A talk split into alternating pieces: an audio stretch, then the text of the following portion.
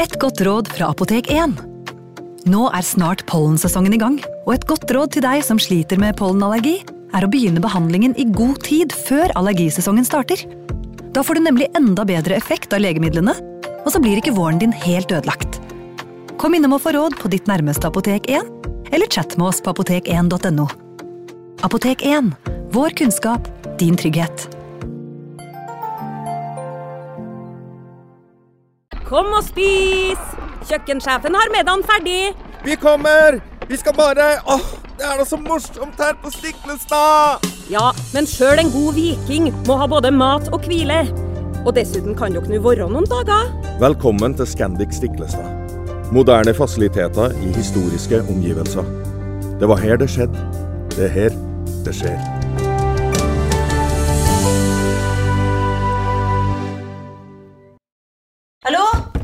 Oslo politikammer. Ine Jansen er purk. Er du purk? The motherfucking bitch. Alt jeg vil, er å finne ut hva som skjedde med mannen min. Jon Carew. Er jeg sikta for noe? Iben Akeli. Det er du. Ole So, Lars Berrum og Big Daddy Karsten. Hvem sin side er du på, egentlig? Anette Hoff, Tone Danielsen, Kommer du fra Afrika? Jørnis Josef, Nesten kløfta. Trond Espen Seim, Det er synd å si det, men det var feil mann som døde. Purk. Premiere tirsdag på TV2 Play. Advarsel. Historien du nå skal få høre, er basert på virkelige hendelser og inneholder flere grafiske skildringer av vold, drap og tortur. Vi advarer mot sterke inntrykk i deler av episoden.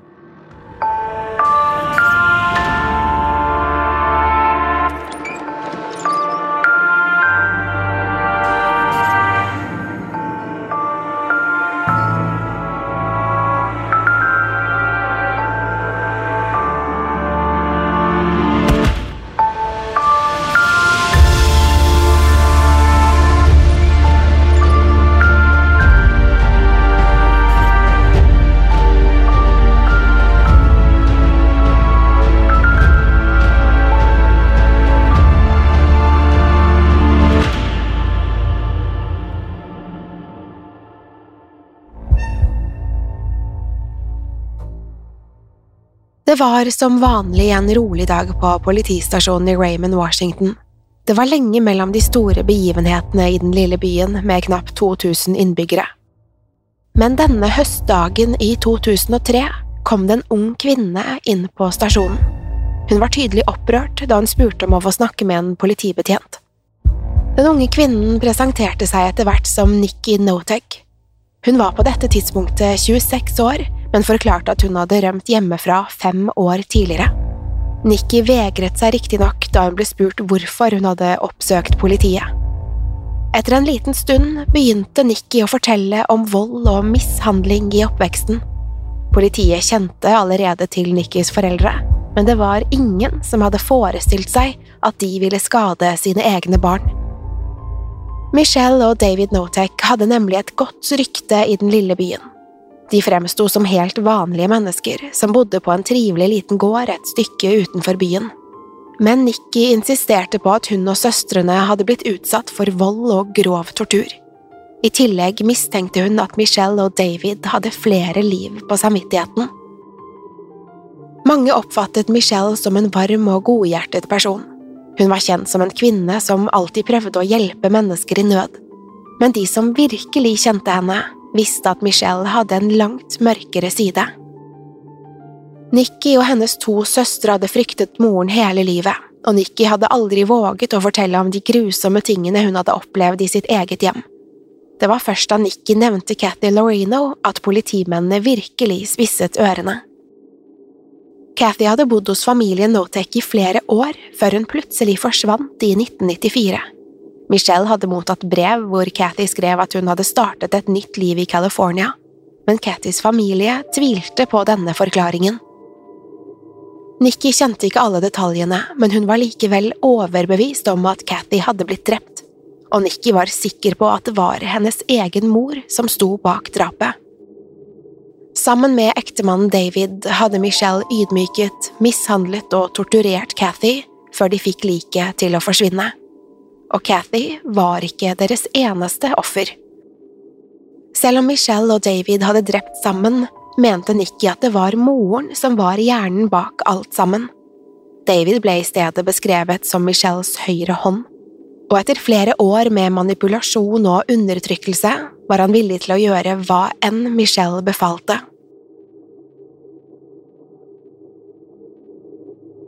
Michelle ble født den 15. april 1954 i Raymond, Washington. Moren hennes var alkoholiker, og Michelles oppvekst var preget av en rekke traumatiske hendelser. Da Michelle var fem år, fikk faren hennes nok. Han tok derfor med seg Michelle og lillebroren hennes for å starte et nytt liv. Michelle skulle aldri få se moren sin igjen. Da hun var 13 år gammel, fikk hun nemlig beskjed om at moren hadde blitt kvalt til døde av hennes nye ektemann. Mange beskrev dette som et vendepunkt for Michelle. Hun ble stadig mer utagerende og viste flere forstyrrende sider. Michelle kunne blant annet fylle skoene sine med knust glass. Hun begynte å stjele og mishandlet sin egen lillebror.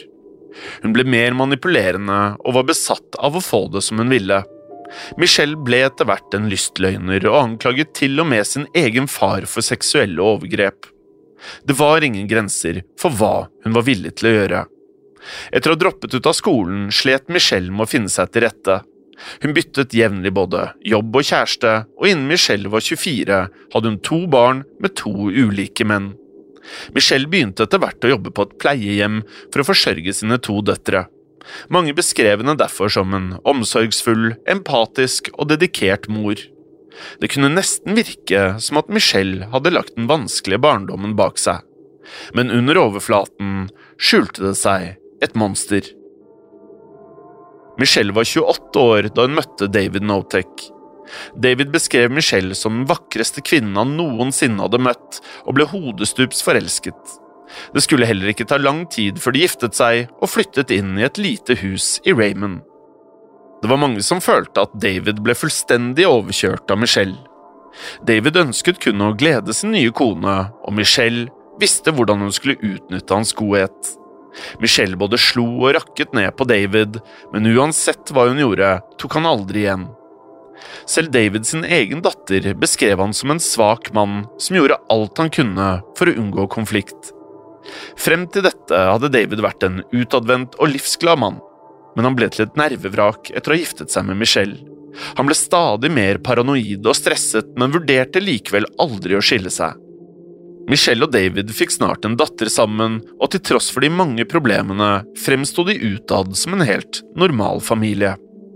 Etter hvert flyttet også Michelle sin tolv år gamle nevø Shane Watson inn i huset deres.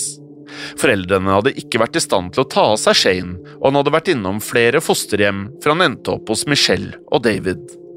Michelle ble sett på som en reddende engel, og David tok også imot Shane med åpne armer. Men Michelle var på ingen måte en helgen. Hun hadde lenge mishandlet sine egne døtre, og nå skulle Shane bli utsatt for det samme. Michelle hadde nemlig utviklet en rekke straffemetoder som hun testet ut på døtrene. En av favorittmetodene hennes gikk ut på å vekke døtrene midt på natten. Deretter tvang hun dem ut av huset, hvor de måtte kle seg nakne. Her ble de tvunget til å rulle i gjørme mens Michelle sprutet iskaldt vann på dem. Da det omsider var over, ble jentene låst inne i hønsehuset, hvor de tilbrakte resten av natten. Michelle var besatt av å ydmyke både Shane og døtrene, og tvang ofte Nikki til å danse naken med fetteren sin. Alle regelbrudd hadde en unik straff, og Michelle slo ned på hvert minste overtramp. Døtrene var ofte nødt til å dekke til kroppene sine for å skjule de mange blåmerkene. Så snart straffen var fullført, ble Michelle forvandlet til en helt annen person. Hun kunne gå fra å torturere dem, før hun i neste øyeblikk overøste døtrene med kjærlighet. Det var denne snille siden av Michelle som naboer og venner stort sett fikk se. Hun fremsto nemlig som en god mor og en hyggelig nabo. Samtidig var Shane og døtrene livredde for å fortelle hva som egentlig foregikk. Cathy Loreno var Michelles frisør, og de hadde kjent hverandre i flere år. Så da Cathy gikk gjennom en vanskelig periode, stilte selvfølgelig Michelle opp. Cathy var i ferd med å bli kastet ut av leiligheten da Michelle kom til unnsetning. Hun foreslo at Cathy kunne hjelpe til med barna, i bytte mot kost og losji. Familien med Cathy på slep flyttet snart til en hyggelig gård et stykke utenfor byen. Det var en stor tomt i idylliske landlige omgivelser, hvor barna hadde god plass til å leke. Men for Cathy skulle dette bli begynnelsen på et tre år langt mareritt. Michelle begynte nesten umiddelbart å manipulere Cathy. Til å begynne med fikk Cathy bare kjærlighet og omtanke, men dette skulle snart endre seg. Michelle begynte snart å rakke ned på Cathy og utsatte henne for den samme mishandlingen, ydmykelsen og torturen som barna var blitt vant til. Cathy ble dopet ned på kveldene og tvunget til å sove naken i den kalde kjelleren. Hun ble også nektet mat og ble tvunget til å utføre en rekke ydmykende oppgaver. Cathy ble beskrevet som en varm og omtenksom person, og hadde aldri gjort noe for å fortjene denne behandlingen. Det var bare et eksempel på Michelles perverse sadisme. Michelle elsket først og fremst å være i kontroll, og hun testet stadig grensene og ved å påføre andre smerte og lidelse følte hun seg overlegen.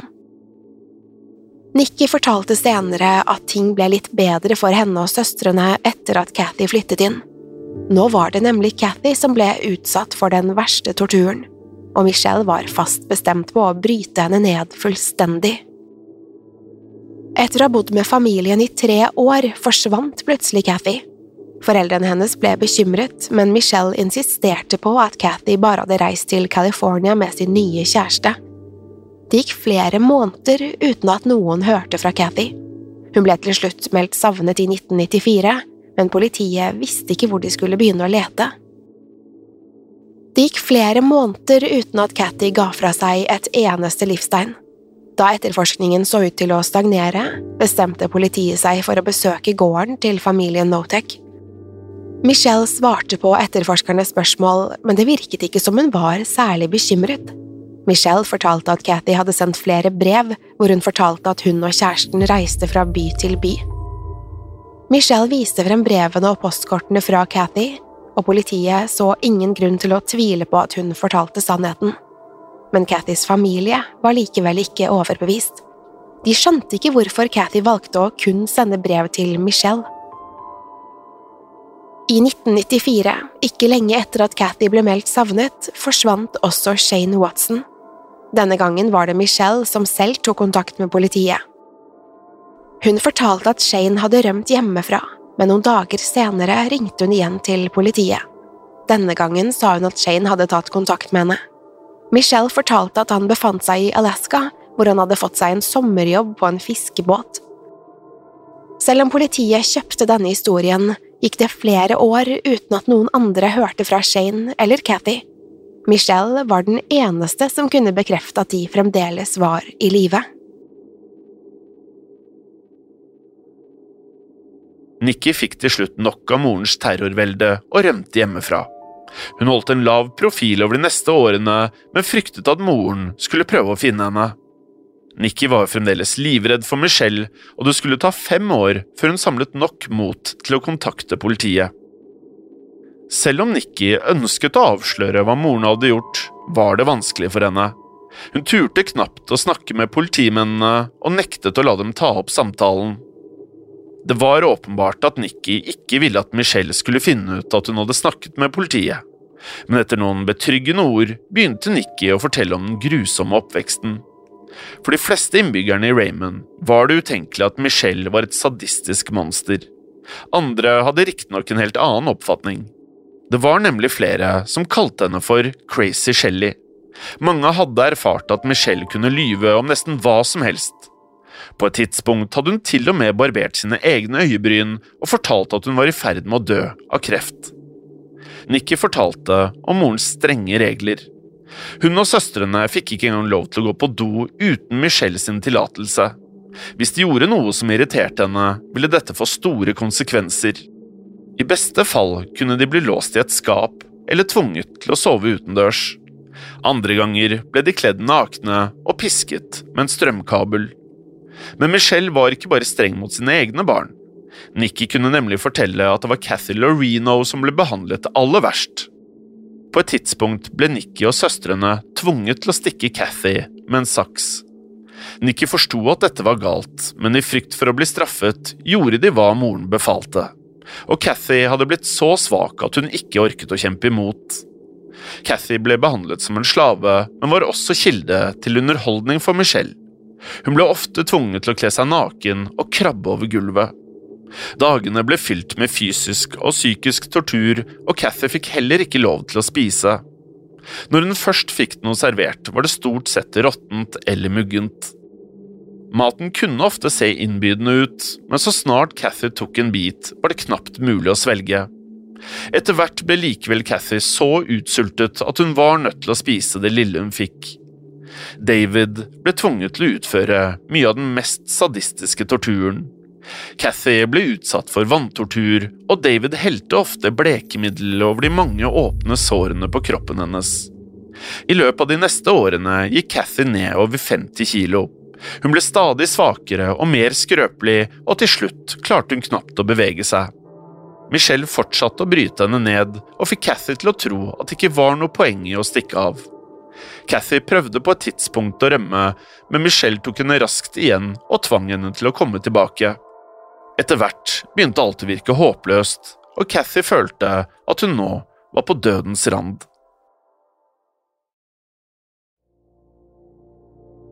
Nikki visste ikke akkurat hvordan Cathy døde, men hun husket dagen hun forsvant. Michelle hadde tatt med seg Nikki og de andre barna ut av byen den samme kvelden. De sjekket inn på et hotell, men etter å ha lagt barna dro Michelle ut en tur. Nikki mistenkte at moren dro for å møte David, så de sammen kunne kvitte seg med liket. Da Nikki og søstrene kom hjem igjen, la hun merke til et stort bål i bakhagen. Michelle fortalte barna om Cathys nye kjæreste, og sa at Cathy hadde bestemt seg for å flytte ut. Nikki var bare et barn, men syntes likevel at dette var merkelig. Cathy hadde vært innesperret i huset i flere år, så det var vanskelig å forestille seg at hun hadde møtt noen. Nikki kunne også fortelle at hun hadde sett moren skrive brevene og postkortene som hun hevdet var fra Cathy. Michelle truet stadig med å drepe hele familien hvis noen i det hele tatt nevnte Cathy eller Shane. I 2001 hadde en ny leietaker flyttet inn hos familien Notech. 57 år gamle Ron Woodsworth var ensom, arbeidsløs og desperat etter et sted å bo da Michelle kom til unnsetning. Michelle var som vanlig vennlig og imøtekommende, og fremsto som en godhjertet person som bare ville hjelpe. Hun tok imot Ron med åpne armer, men snart begynte hun å behandle han like forferdelig som de tidligere gjestene. Ron ble mishandlet, torturert og ydmyket til enhver tid. Han fikk ikke lov til å bruke toalettet, og Michelle tvang han ofte til å drikke sin egen urin. Da Ron brøt en av Michelles regler, var straffen å hoppe ut av vinduet i andre etasje. Ron ble hardt skadet i fallet og fikk stygge sår på bena. Michelle var likevel ikke fornøyd med straffen og beordret David til å helle kokende vann og blekemiddel over sårene. I likhet med Cathy ble Ron ofte dopet ned tvunget til å kle seg naken og ble nektet mat. Michelle klarte etter hvert å bryte ham ned, og fikk Ron til å bryte all kontakt med familie og venner. Da Ron døde i 2003, var han fullstendig avmagret, og hele kroppen hans var dekket av brannskader, sår og blåmerker. Liket ble oppbevart i en fryser i fire dager, før David fikk i oppdrag å kvitte seg med levningene. Ettersom det var bålforbud i denne perioden, ble Ron midlertidig begravet i bakhagen. Det er uvisst om Michelle mente å drepe Cathy. Hun virket tilfreds med å beholde henne som en slave som hun jevnlig torturerte og ydmyket, men Michelle behandlet likevel Ron på akkurat samme måte. Dermed må hun også ha visst at skadene hun påførte, før eller siden ville koste ham livet. Ron ble meldt savnet i august 2003, og kort tid senere dukket Nikki opp på politistasjonen. Både Leslie og søsteren Samantha hadde flyttet ut, men de var bekymret for lillesøsteren Tori. Hun var kun 14 år gammel og bodde fremdeles sammen med Michelle og David. Nikki og Samantha fryktet nå at Tori kunne bli foreldrenes neste offer. Da Michelle ble konfrontert med Rons forsvinning, fortalte hun den samme historien som sist. Michelle hevdet at Ron hadde fått seg en kjæreste, og at han hadde flyttet til en annen by i Washington. men politiet tok Nikki sin historie på alvor og bestemte seg for å ta med seg Tori. Michelle nektet for å ha skadet noen og tryglet om å få beholde datteren. Trolig var hun først og fremst bekymret for at Tori skulle fortelle hva som skjedde med Ron. Neste dag sendte hun derfor David til politistasjonen. Michelle ville at han skulle overbevise politiet om at det hele var en misforståelse. Da David troppet opp på politistasjonen, ble etterforskerne naturligvis overrasket. De ga uttrykk for at de var villige til å samarbeide, men ville at David først skulle svare på noen spørsmål. David ble dermed brakt inn på et avhørsrom hvor de begynte å spørre om Cathy og Ron. David slet med å svare på politiet sine spørsmål. Han forsvarte til enhver tid Michelle, men snart begynte han å avsløre hva som hadde skjedd. David insisterte på at Michelle aldri hadde ønsket å skade noen. Han mente at hun kun hadde prøvd å beskytte familien. David innrømmet til slutt at Cathy var død, men ga uttrykk for at hun hadde vært syk. Han forklarte at Cathy stadig hadde blitt verre, men ingen av dem hadde ringt etter ambulanse. David fortalte at han en dag hadde funnet Cathy livløs på soverommet sitt. Han forsøkte å vekke henne, men Cathy reagerte ikke da han snakket til henne. Da han gikk litt nærmere, så han at hun var dekket av oppkast. David hevdet at han prøvde å gjenopplive henne, men det var for sent. Cathy sitt dødsfall var trolig ikke planlagt, men det var et resultat av flere år med tortur. Michelle ønsket stadig å teste grensene, og til slutt orket ikke Cathy mer. Selv om hun åpenbart ble svak og skrøpelig, fortsatte Michelle å behandle henne like grusomt. David fortalte at han laget et stort bål i bakhagen hvor han brant Cathy sitt lik. Deretter tok han med seg det som var igjen av bein og aske, og kastet det i havet. Ron hadde også dødd etter å ha blitt torturert i lang tid. David mente likevel at Ron hadde tatt sitt eget liv. Han hadde vært bortreist da Ron døde, og da han kom hjem, fant han liket i en fryseboks. David fikk dermed i oppdrag å begrave Ron i bakhagen. Etter disse tilståelsene ble David arrestert. Han fortsatte å samarbeide med politiet og viste dem hvor de ville finne Ron sitt lik. Mens de vandret rundt på gårdsplassen, fortalte David hvor han hadde kremert Cathy. Etter en liten stund stanset David. Han tok en pause før han pekte mot et lite skur. David tok et dypt åndedrag før han sa, og det var der jeg drepte Shane. Det var vanskelig for David å prate om Shane. Han hadde vært veldig glad i gutten som David hadde kjent siden han var tolv år gammel. David brøt sammen da etterforskerne ba han fortelle hvorfor han hadde drept Shane. Han gjemte ansiktet sitt og klarte så vidt å presse frem ordene. David fortalte at Shane hadde fått tak i en pistol som han nektet å gi fra seg. David hadde prøvd å rive den ut av hendene hans, men Shane kjempet imot. Da David til slutt fikk tak i pistolen, hørte han et øredøvende smell. Han fortalte at det tok et øyeblikk før han skjønte hva som hadde skjedd. David så det rant blod fra halsen til Shane, og før han visste ordet av det, lå gutten livløs i armene hans. Det er likevel mye som tyder på at Shanes død ikke var en ulykke. Nikki og søstrene mente nemlig at Shane hadde fått nok av all mishandlingen og torturen, og bestemte seg for å avsløre hva som foregikk i huset.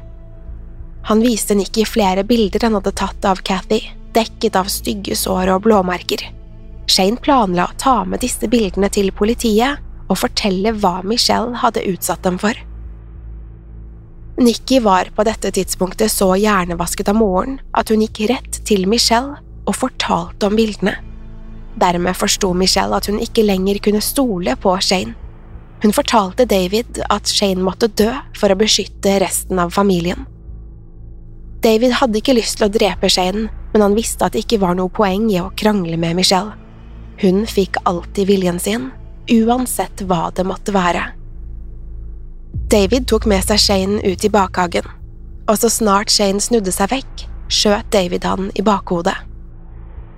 Politiet gravde opp hele tomten, men fant ikke flere lik. Michelle skulle likevel bli koblet til nok et drap. Hun hadde nemlig vært hjemmesykepleier for 81 år gamle James McClintock da han ble funnet livløs i sitt eget hjem. James hadde store hodeskader, og Michelle hevdet at han hadde falt ut av rullestolen sin. Det var riktignok blod overalt, og mange var skeptiske til at dette var en ulykke. Politiet klarte likevel aldri å fastslå om Michelle hadde noe med dette dødsfallet å gjøre. Det var likevel ingen tvil om at Michelle og David Notek var ansvarlige for drapene på Cathy, Shane og Ron. Politiet var likevel ikke sikre på om de hadde nok bevis til å sikte dem for overlagt drap. Det var ingen levninger etter Cathy eller Shane, så det var vanskelig å bekrefte hva som egentlig hadde skjedd. Rons lik avslørte en rekke skader og åpenbare tegn til tortur. Det var likevel ikke mulig å fastslå dødsårsaken. Michelle ble til slutt siktet for uaktsomt drap med en strafferamme på 22 år. Hun endte opp med å inngå et forlik hvor hun anerkjente at det var nok bevis mot henne til å dømme henne i en rettssak. Michelle hevdet fremdeles at hun var uskyldig, men ved å inngå dette forliket ville hun motta en mildere dom. Dommeren i saken nektet likevel å føye seg etter dette. Som følge av de mange grusomme detaljene i saken ble Michelle dømt til å sone samtlige 22 år. David Notek ble også funnet skyldig og dømt til å sone 15 år. I dag har både Michelle og David sluppet ut av fengsel og er igjen frie mennesker. Michelles døtre var forståelig nok rystet da Michelle fikk innvilget prøveløslatelse etter å ha sonet kun 18 år. De er ikke lenger redde for moren sin, men de frykter fremdeles at hun kan skade andre. Vi skriver Michelle Notek inn i vår bok av syndere.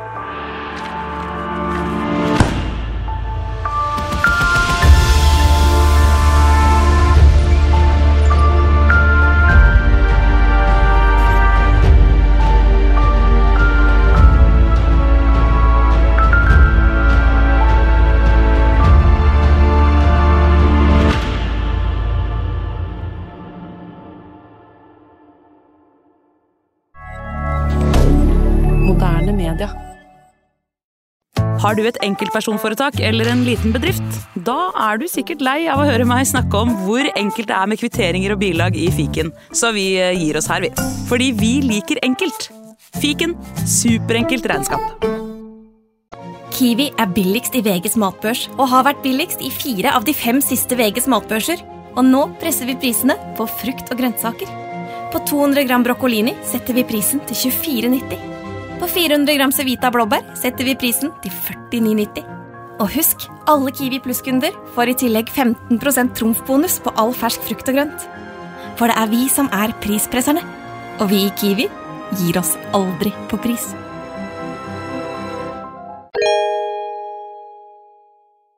Hei, takk for at du lytter til Synderne. Skulle du ønske at du kunne høre en ny episode av denne podkasten hver eneste uke? Vel, da er det bare å laste ned podkastappen Untold med en gang. I tillegg til ukentlige episoder av podkaster som Skrekkpodden, True Crime-podden og Henrettelsespodden får du masse annet reklamefritt og eksklusivt innhold. Last ned Untold i AppStore eller Google Play, og start inn 30 dagers prøveperiode i dag.